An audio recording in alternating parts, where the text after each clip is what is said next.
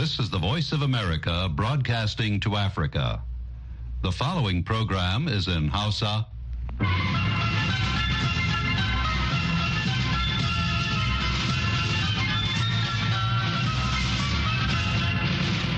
Sashen Hausa na murya Amurka ke magana daga nan birnin Washington DC.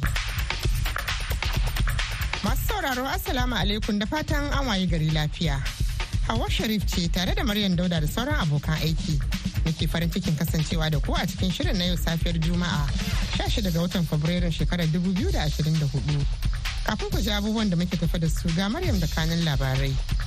To hawa wata kota a ƙasar Senegal ta yanke hukunci kan cewa ɗage zaɓen shugaban ƙasa da ya kamata a yi ranar 25 ga watan Fabrairun nan da gwamnatin ƙasar ta yi ya sabawa kundin tsarin mulkin ƙasar. A yayin da tsohon shugaban Amurka Donald Trump ke ƙara fitowa fili yana bayyana matsayarsa akan ƙungiyar tsaron NATO da kuma batun tallafin soja ga ƙasashen waje da ake kai. Akwai barakar da ke tasowa sosai game da yadda shugabannin amurka biyu da jama'arsu ke kallon rawar da amurka ke takawa a ƙasashen duniya. Tun lokacin da aka kafa ƙungiyar kawancen neto a karon farko a wannan shekarar ƙasashen turai kawayen ƙungiyar za su yi amfani da kashi biyu cikin ɗari na jamlar kuɗin kayayyakin da ake samarwa a ƙasashen don fannin tsaro. Kanan labaran kenan. A yau za mu fara buɗe taskar rahotannin namu ne daga najeriya. Inda hukumar gididdiga ta ƙasa ta ce har yanzu fa farashin kayayyaki na ci gaba da hawa a Najeriya. kayan abinci ko kayan abinan masarufi sun daina tashi a tsakanin kwanaki ba sai dai ma mai awanni za ka iya zuwa yau da safe ka si abu da yamma in ka kara koma sayansa ka ji an ce ma farashin sa ya tashi. A can ƙasar Kamaru kuwa wata ƙungiyar kare hakkin bil'adama ce ta saki wani rahoto da ya ce jami'an tsaron ƙasar sun hallaka kimanin farar hula 170 suka kuma ƙone gidaje sama da 100 a yayin wata arangama da 'yan aware. da za a yi kasa 'yan ta'adda sun ɗauki makamai za su bata kasa a ce yau majalisar dinkin duniya na bayan wannan abubuwa saboda haddasa wayannan tunannu. Sai a biyo mu a cikin shirin domin jin karin bayani akan waɗannan da masu sauran rahotanni da ke tafi a cikin shirin. Kamar kowace safiyar juma'a yau ma muna tafi da shirin manuniya tare da dan mutan ikara isa lawal. Amma fa duk sai bayan an gyara zama an saurari kashin farko na labaran duniya. Jama'a assalamu alaikum ga cikakkun labaran. Wata kota a ƙasar Senegal ta yanke hukunci a kan cewa ɗage zaɓen shugaban ƙasa da ya kamata a yi ranar 25 ga watan Fabrairun nan da gwamnatin ƙasar ta yi ya wa kundin tsarin mulki lamarin da ya jefa ƙasar cikin wani sabon yanayi na rashin tabbas ta ɓangaren zaɓe. A makon da ya wuce ne 'yan takarar shugaban kasa daga jam'iyyun adawa da wasu 'yan majalisar dokoki suka kalubalanci kudirin a kotu wanda ya jinkirta zaɓen zuwa watan Disamba ya kuma tsawaita wa'adin shugaba Macky Sall. Wani mataki da masu suka suka ce tamkar juyin mulki ne. rikicin da ya kara ruruta wutar tarzoma ya kuma sa ƙasashe nuna damuwa kan cewa ɗaya daga cikin ƙasashen da ke mulkin dimokuraɗiyya a yammacin afirka na fuskantar barazana. Ba a dai san abin da zai faru ba nan gaba. Sal wanda ba zai tsaya takara ba a zaɓen kuma ya kai ƙarshen wa'adinsa karo na biyu bisa ga kundin tsarin mulkin ƙasar ya ce an jinkirta zaɓen ne saboda takaddamar da ta taso kan jerin sunayen 'yan takara da kuma zargin cin hanci da rashawa a kotun tsarin mulkin ƙasar. A yayin da tsohon shugaban Amurka Donald Trump ke ƙara nanata kalaman da ya yi a baya na cewa idan aka zaɓe shi ba zai kara ƙasashe mambobin ƙungiyar tsaron neto da ba su sauke nauyin da ya rataya a wuyansu ba ta fannin kuɗi da kuma batun ƙudurin ba da tallafin soja don wasu ƙasashe da ya tsaya cak a majalisar dokokin Amurka. Akwai barakar da ke tasowa sosai game da yadda shugabannin Amurka biyu da jama'arsu ke kallon rawar da Amurka ke takawa a ƙasashen duniya. Biden wanda ya sanya batun ƙarfafa kawance don tankarar abokan gaba a gaba-gaban manufofinsa na harkokin waje na neman karin haɗin gwiwar ƙasashe baki ɗaya. Shi kuma Trump wanda ta yiwu shine ɗan takarar shugaban ƙasa na jam'iyyar Republican yana sake nana ta taken Amurka ce farko a muradansa abin da ya janyo damuwa tsakanin ƙasashe abokan hulɗar Amurka a farkon shugabancinsa. Abin dubawa dai shine yadda washington za ta cika sharaɗin tsaro a ƙarƙashin sashi na biyar na yarjejeniyar ƙungiyar neto wanda ya buƙaci mambobin ƙungiyar su taimakawa juna idan wata ƙasa daga waje ta kaiwa wata daga cikin hari. a wani jawabi da ya yi a lokacin wani taron yaƙin neman zaɓe a makon da ya gabata trump ya yi alfahari da cewa a lokacin da yake matsayin shugaban ƙasa ya taɓa gargaɗin wani shugaban ƙungiyar tsaron neto da cewa zai bar rasha ta yi duk abin da ta ga dama da ƙasashe mambobin ƙungiyar da suka kasa ba da kashi biyu cikin ɗari na jimlar kuɗin kayayyakin da suke samu a cikin gida don fannin tsaron ƙungiyar. Tun daga lokacin da aka kafa ƙungiyar ƙawancen neto a karon farko a wannan shekarar Kasashen turai kawayen ƙungiyar za su yi amfani da kashi biyu cikin ɗari na jimlar kuɗin kayayyakin da ake samarwa a ƙasashen don fannin tsaro a cewar sakatare janar ɗin ƙungiyar Jan Stoltenberg. Stoltenberg ya ce a cikin shekarar nan ta 2024 ƙasashen kawancen neto a turai za su zuba jarin jimlar dala biliyan 380 a fannin tsaro. Stoltenberg ya kara da cewa 18 daga cikin mambobin ƙungiyar NATO 31 a wannan shekarar za su yi amfani da akalla kashi biyu cikin ɗari na jimlar kuɗin kayayyakin da suke samu a ƙasashen su don fannin tsaro.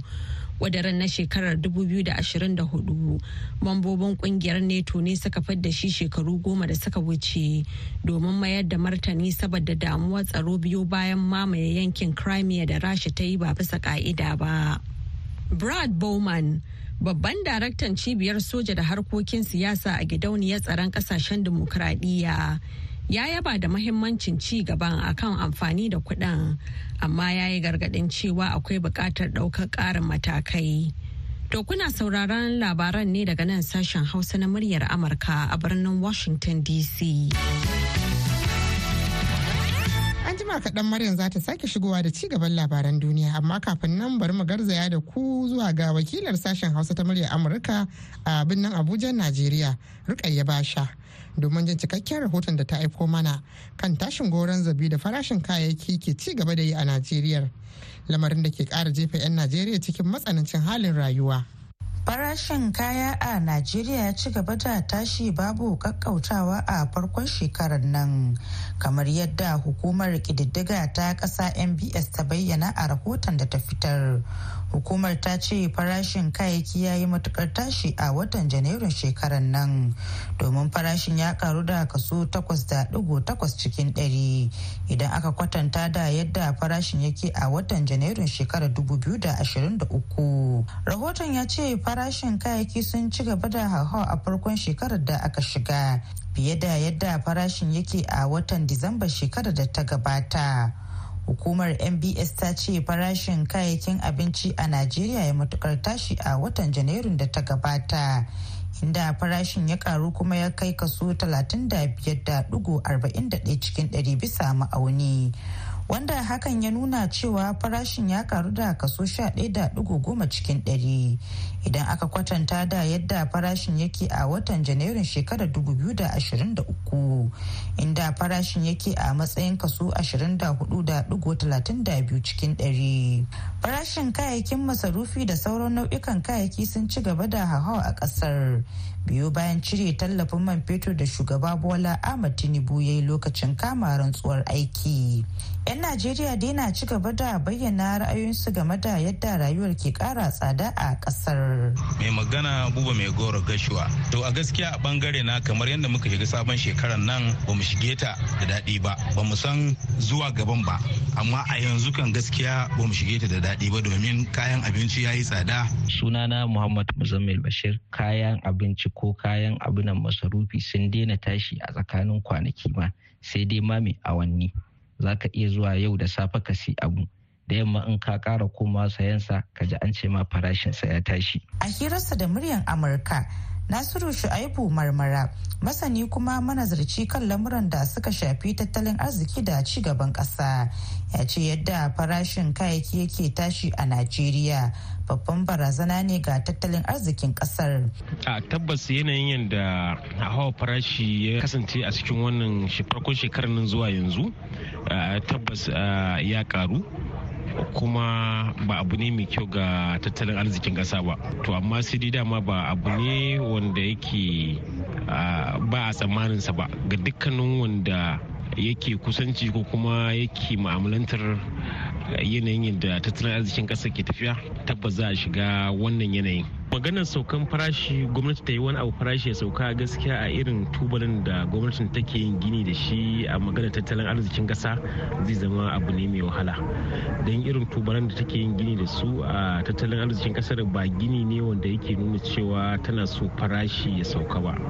Tana yin ƙoƙari ne na ganin ta cike waɗansu giɓuɓɓuka da suke na daga bashi ko biyan bashi da maganar fundin na kasafin kuɗi inda za a sami balance a yanayin samun ƙasar da abin da ke shigo ƙasar da kuma bukatun ƙasar na kashe kuɗi. Kawai abin da na fuskanta gwamnati tana ƙoƙarin yi shine tana ƙoƙarin yanayin yadda farashin yake a sama kuma samun 'yan najeriya ma ya ɗaukaka ya zama farashi yana sama su ma samun 'yan najeriya ya karu na kuɗi. So saboda haka sai a daidaita kenan. Yanzu dai hankulan 'yan ƙasar ya karkata ne ga mahukunta domin ganin yadda za su shawo kan lamarin rukayya basha muryar amurka daga abuja a najeriya To Madalla an gaida rukayya basha masu sauraro ana tare ne da sashen Hausa na murya Amurka a birnin Washington DC. Kai tsaye ana kuma iya sauraron shirye-shiryenmu da suka gabata a shafukanmu na sadarwar Facebook, Twitter da Instagram. Yanzu ga Maryam ta sake shigowa da ci gaban labaran duniya. Fadar White House ta ce za ta amince da sakamakon zaɓen shugaban ƙasar Indonesia wanda Prabowo Subianto ya yi ikirarin lashewa wato tsohon janar ɗan sojan ƙasar da aka yi ta cece kuce a kansa a baya. wanda aka hana shigowa amurka fiye da shekaru goma saboda zarge-zargen da ke da alaka da muzanta haƙoƙin bil'adama. sakamakon ƙidayar kur'un farko daga cibiyoyin bincike da yawa sun nuna cewa Prabowo wanda kamar yawancin 'yan Indonesia ke amfani da sunansa na farko ya yi wa abokan hamayyarsa Anes Baswedan da Ganjar Pranowo Fintinkau inda ya samu fiye da kashi hamsin cikin ɗari na kuru'u wato adadin da ake buƙata don kaucewa zaɓe karo na biyu.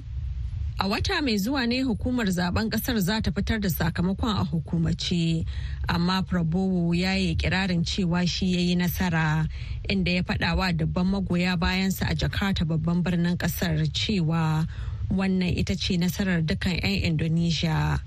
A shekarar 2020 gwamnatin Trump ta sanya wa Prabowo takunkumin hana shiga Amurka bisa zarge-zargen keta haƙoƙin bil'adama ciki har da yin garkuwa tare da azabtar da 'yan gwagwarmayar goyon bayan dimokuraɗiyya a lokacin da aka hambarar da gwamnatin sirikinsa shugaba Suharto da kuma samun shi da hannu a laifuffukan soja a gabashin Timor. A jiya Alhamis ƙasar Venezuela ta umarci ofishin kare haƙoƙin bil'adama na Majalisar Ɗinkin Duniya da ke birnin Caracas da ya rufe ofishin da kuma dakatar da ayyukansa inda ta ce ma'aikatan ofishin su fice daga ƙasar cikin kwanaki uku.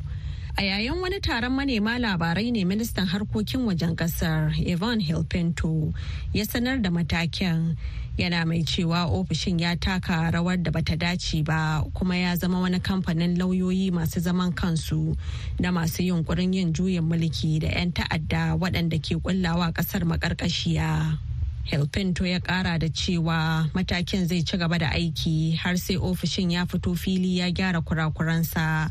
Sanarwar dai na zuwa ne bayan da ofishin na kare haƙoƙin bil'adama ya caccaki matakin gwamnatin Venezuela na tsara babban lauyan kare haƙoƙin bil'adama Rosio San Miguel. lamarin da ya janyo damuwa a ciki da wajen ƙasar. Labaran duniya aka saurara daga nan sashen Hausa na murya Amurka a birnin Washington DC.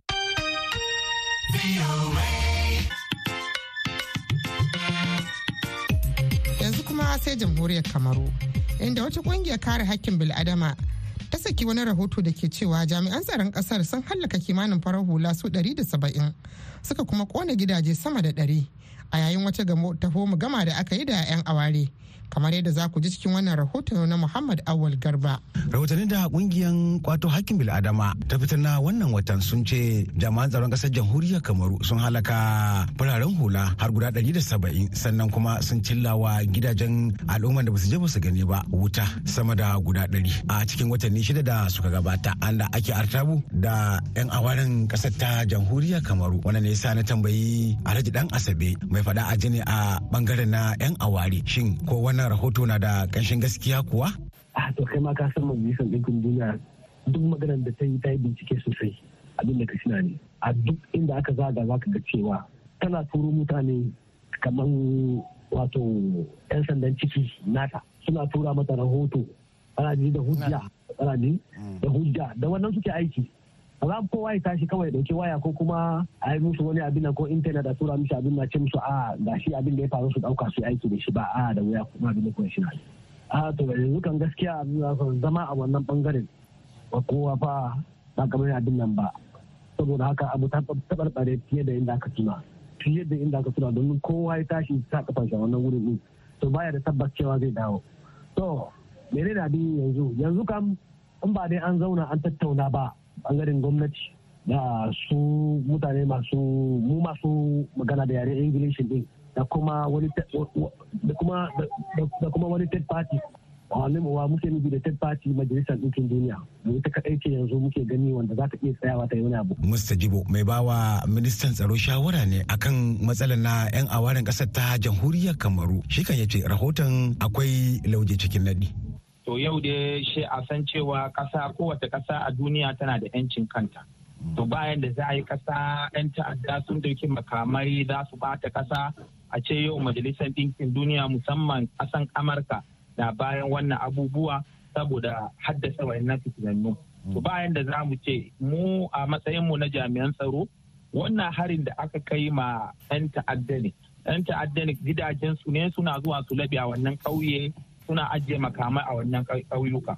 To kaga cewa wannan harin da aka kai wato musamman ma labari aka kawo mana 'yan cikin gida wato wanda muke aiki da su su suka ba da labari. Kuma shan da aka zo aka yi bincike aka tawar cewa eh hakan ne. Gidaje ne da suke zuwa ƙauye suna ajiye makamansu kuma su ma suna zuwa ɓoyuwa suka fito daga daji. To shi sa aka kona wa'annan gidajen. To ka san cewa su majalisar dinkin duniya a koyan da suke so a tafiyar da al'amarin in to mu kuma a ƙasar kamaru ba za mu yadda cewa duk wani abin da zai kawo fitina a ce za a raba ƙasar kamaru ba za mu yarda da ƙasar jamhuriyar kamaru dai tana cikin tsaka mai wuya a wannan lokaci ta ɓangaren jihar arewa mai nisa. Maharan boko haram suna addaban al'umma sai kuma ɓangaren jihar adamawan ƙasar ta jamhuriyar kamaru. Masu garkuwa ne suke cin kasuwarsu. Haka ta ɓangaren gabashin ƙasar kuma an da ta iyaka da ƙasar afirka ta tsakiya. Mayakan makwabtan ne suke ta hada-hada su mahama awal garba muryar amurka da ƙasar kamaru. To madalla. Masu saro kada dai a shagala ana sauraron shirin ne daga nan birnin Washington DC. Yanzu lokaci ne da za a gyara zama a saurari shirinmu na gaba. Manuniya.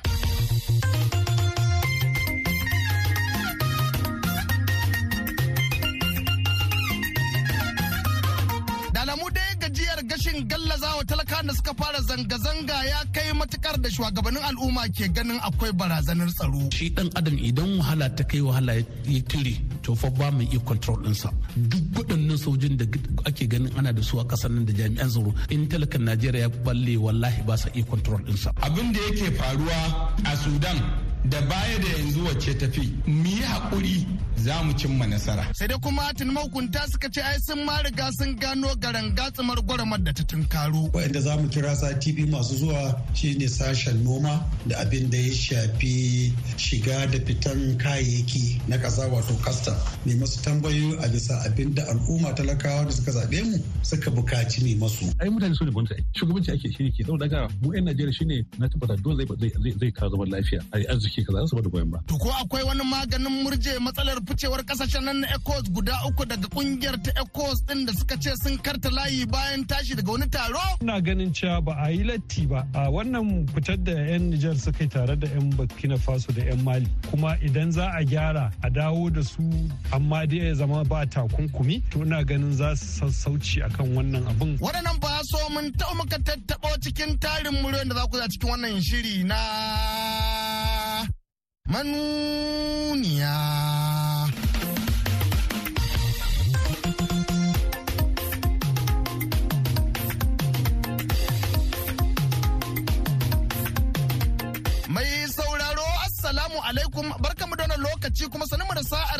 Saduwa a cikin sabon shirin manuniyan da dan al'ummar duniya ne da ma sashen Hausa na muryar Amurka ya kirkiro. Shiri na ɗari da hamsin da bakwai cikin jerin shashiren manuniyan da kan ɓamɓare ɓamɓorin ɓoye-ɓoye don fidda gaskiya ɓaro-ɓaro. Mai yiwuwa kuma ƙoƙarin ɓamɓare ɓamɓorin ɓoye-ɓoye ne sa Sheikh Idris Muhammad Sabon gari na Masar limamai da malamai ya ce dole a gaya wa shugabanni gaskiya babu batun tsoro. Na farko an jefa mutane cikin talauci domin jefa su aka yi ba Allah ya samu a cikin talauci ba Allah bai samu talauci a ƙasa ba. Wasu 'yan tsauraran mutane suka jefa mutane a cikin talauci. To babban bala'in ma shine hauhawar farashin abubuwa. Kusan kullum abin karo yake. Ga kuma kuɗin nan ba a samu. To hatta kai ga mutane suna mutuwa saboda yunwa. Wasu suna cin ganye. A wannan ƙasa ta mutu Najeriya ƙasar da duk Afirka ba mai arzikinta. To shi sa muka ga ja hankalin shugabanni domin a zauna lafiya. Saboda shi dan adam idan wahala ta kai wahala ya tire to fa ba mai iya control ɗinsa. Duk waɗannan sojin da ake ganin ana da su a ƙasar nan da jami'an tsaro in talakan najeriya ya balle wallahi ba sa iya control ɗinsa. daga tuwa wasu malamai suna maganar wannan jarabawa ce daga allah a daina jingina ta da 'yan siyasa. ba gaskiya ba ne ba jarabawa ce ga allah. Allah bai jarabe mu da talauci a najeriya ba. Duk abin da allah yake ba mu ƙasa na arziki a najeriya allah ya ba mu. Da muna da shugabanni masu adalci wallahi sun mutallahi ba za mu samu kanmu haka ba. Ai annabi ya karantar da mu. Annabi ke cewa idan kuka samu shugabanni azzalimai? Malamai suka zama fajirai ba sa faɗa ma shugabanni gaskiya. Masu kuɗi suka zama marowata ba sa taimakon talakawa. Annabi ce zaman ku a cikin ƙarƙashin ƙasa ya fi zaman ku a bayanta. Ma'ana mutuwar mutum ta fi rayuwarsa a wannan lokacin. Annabi ya faɗi wani magana. Akwai wani malami da zai ma annabi gyara? Sai da kuma shugaban ƙungiyar masu motocin haya ta ritin dabta muhammad musa mai takobi cewa ya wajibi fa a taka sannu don kada a jefa ƙasar nan cikin kwazazzaban da za ta dinga gabza karo. Na farko dai mu sani tsadar rayuwa ba abu ne wanda yake a najeriya kadai ba. In mun duba neman masalaha da addu'a ta gari da shawarwari na gari su ne mafi zama alkhairi. Ba a'a yin fito na fito da gwamnati ba. Hajiya mu ɗauka da abin da ya faru a sudan a baya da al'amura na more rayuwa da jin daɗi da yawa. Ƙasashe sukan je sudan su samu. Sai aka wayi gari jarabta ta zo suka ce biredi ya yi tsada. Hajiya a wannan lokaci suka tada zanga-zanga ko ina har aka zo aka ce an kama shugaban ƙasar an kifar da gwamnati. Idan muka duba abin da yake faruwa a sudan da baya da yanzu wacce tafi. Su don haka shi yasa muke faɗakar da al'ummar ƙasa. Mu yi haƙuri za mu cimma nasara. Tunuma dai aka ji shugaban majalisar wakilan tarayyar Najeriya Dr. Abbas Tajuddin na tabbatar da tattara ƙarfin tuttuge matsalolin da suka ce sun gano suna nema su tsutsuro. Mun kira ministan kuɗi, mun kira ministan budget, mun kirawo shugaban hukuma na tara kuɗi, mun kirawo shugaban babban bankin Najeriya. Duka mun masa tambayoyi akan abubuwa da ke mutane kai kamar wata uku da suka wuce kafin a soma kasafin kuɗi na 2024 mun soma da sashen tsaro inda muka kirawo hafsoci daban-daban na ruwa da na sama da na ƙasa da police duka suka zo suka yi ma al'umma bayani. So za mu ci gaba da irin wannan. Ga duka sectors ɗin da ke najeriya musamman wanda yake ake samun tarnaki. Misali yanzu da zan baka shine waɗanda za mu kira sati biyu masu zuwa shine sashen noma da abin da ya shafi shiga da fitan kayayyaki na ƙasa wato custom. Ne masu tambayoyi a bisa abin da al'umma talakawa da suka zaɓe mu suka buƙaci ne masu don mu samu amsoshi kuma a nemi hanyoyi mafita ga ƙasa wanda ya kamata a ce an ɗauka. Game da buƙatar ba da gudunmawar kowa da kowa don murƙushe matsalolin Najeriya kowa tsohon gwamnan jihar Jigawa Alhassan Lamida ne ya daddale dalla dallan dalilan danne dukkanin tasgaro. Ɗan Najeriya wajibi ya ba da gudunmawa wajen zaman lafiyar Najeriya ko mai jami'ar ka. Ɗan Najeriya ko mai addinin sa zai ba da gudunmawa wajen gina Najeriya. Ɗan Najeriya ko mai ayi manufarka ko ɓangaren ka shine kasancewa Najeriya ce kadai ce ƙasar ka. Duk zai kamata barazana a matsayin wato a matsayin kamar firgice wata firgita kar ka yi shi. So da haka ai magana maka ce haɗin gwamnati bai taso ba. Ai mutane su ne gwamnati ai. Shugabanci ake shi ke saboda haka mu 'yan Najeriya shine na tabbata dole zai zai kawo zaman lafiya. Ai arziki kaza za su ba da goyon ba. Na bayarwa. Kazo. Mata ya ce tabbata kawai. Kai bai ba. Wanda ya san ya san na ya san kamar shekara kamar ashirin bayan na minista wata aka yi rigima na bore aka zo aka MP suna kai Hausa mun je Lagos shi mai rigima ya san me na faɗa masa. Ya kuma yana yana na wato a tarihi na littafi na rubuta abu na ga masa mun je ai shi kuma ya san ni shi shi ya san me na faɗa ka tambaye shi. Excellency yanzu da za ku haɗu da shi shugaba Tinubu me za ka ce masa? Ran kai da shugaban ƙasar Najeriya ran kai da sannan ka. Waɗanne shawarwari za ka ba shi? Shi ne sai ka tambaye ka ce ga su da can tambaye shawara ka ga masa ka ce shugaban ƙasar Najeriya Tinubu eh ka ga su can tambaye shawara sai tambaye ni. A misali da wani dalili tun da haɗuwar ku ta manya haɓo ce misali. Ka da jinin aiko ka san me haɓo aiko? Misali in kuka haɗu. Haɓo shi ne jini ya zama da ana haɓo ana fatar jini ai magana ko yana wani daban. Shi kuwa malamin jami'ar nan na Abuja Dr. Faruk Bibi Faruk cewa yake akwai fa buƙatar ƙungiyar ECOWAS ta ɗinke barakar da ta ɓarko cikin gida tun kafin ma ta gano cewa daga baya ta makaro. Gaskiya wato fitar ƙasashen nan daga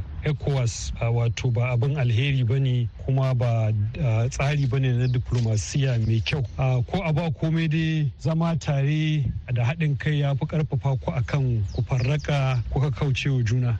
To musamman Najeriya wannan abu da ya faru ba abin alheri ba ne gare ta wato kama kishi ne na cikin gida sai ki ga wato ya fi zafi akan kishi tsakanin wanda suke da nesa da juna. Kuma ina ganin cewa ba a yi latti ba. A wannan fitar da 'yan nijar suka yi tare da 'yan burkina faso da 'yan mali. A gaskiya babban dalilin su shine takunkumin da aka dora musu. Ba wai dan an ce su daina zuwa taron ecowas ba ne. A'a takunkumi ne da aka dora musu na tsana waje ko suke ganin cewa dan ƙasashen faransa da amurka sun kiyarda da wannan wato juyin juya hali da suka yi da juyin mulki da suka yi. Su ma ba su ji daɗi abin ba sun dora musu irin nasu takunkumin shi yasa yan uwansu yan ecowas su ma suka yi musu takunkumi kuma idan za a gyara a dawo da su amma dai ya zama ba takunkumi amma dakatattu ne to ina ganin za su sassauci akan wannan abin za kuma su dawo a ci gaba da zama lafiya.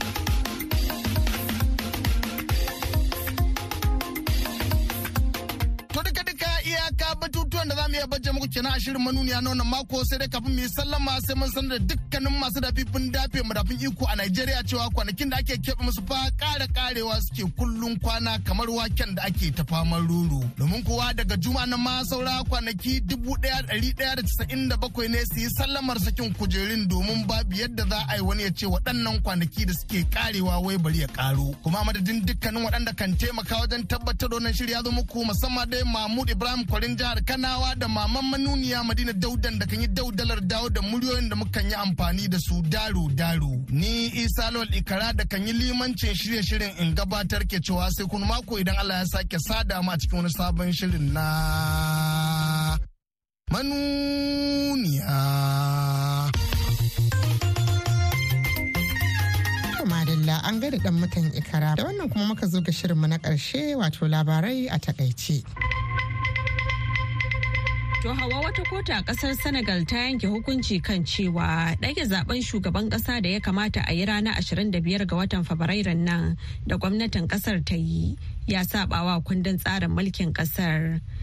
A yayin da tsohon shugaban Amurka Donald Trump ke ƙara fitowa fili yana bayyana matsayarsa akan ƙungiyar tsaron NATO da kuma batun tallafin soja ga ƙasashen waje da ake kai. Akwai barakar da ke tasowa sosai game da yadda shugabannin Amurka biyu da jama'arsu ke kallon rawar da Amurka ke takawa a ƙasashen duniya.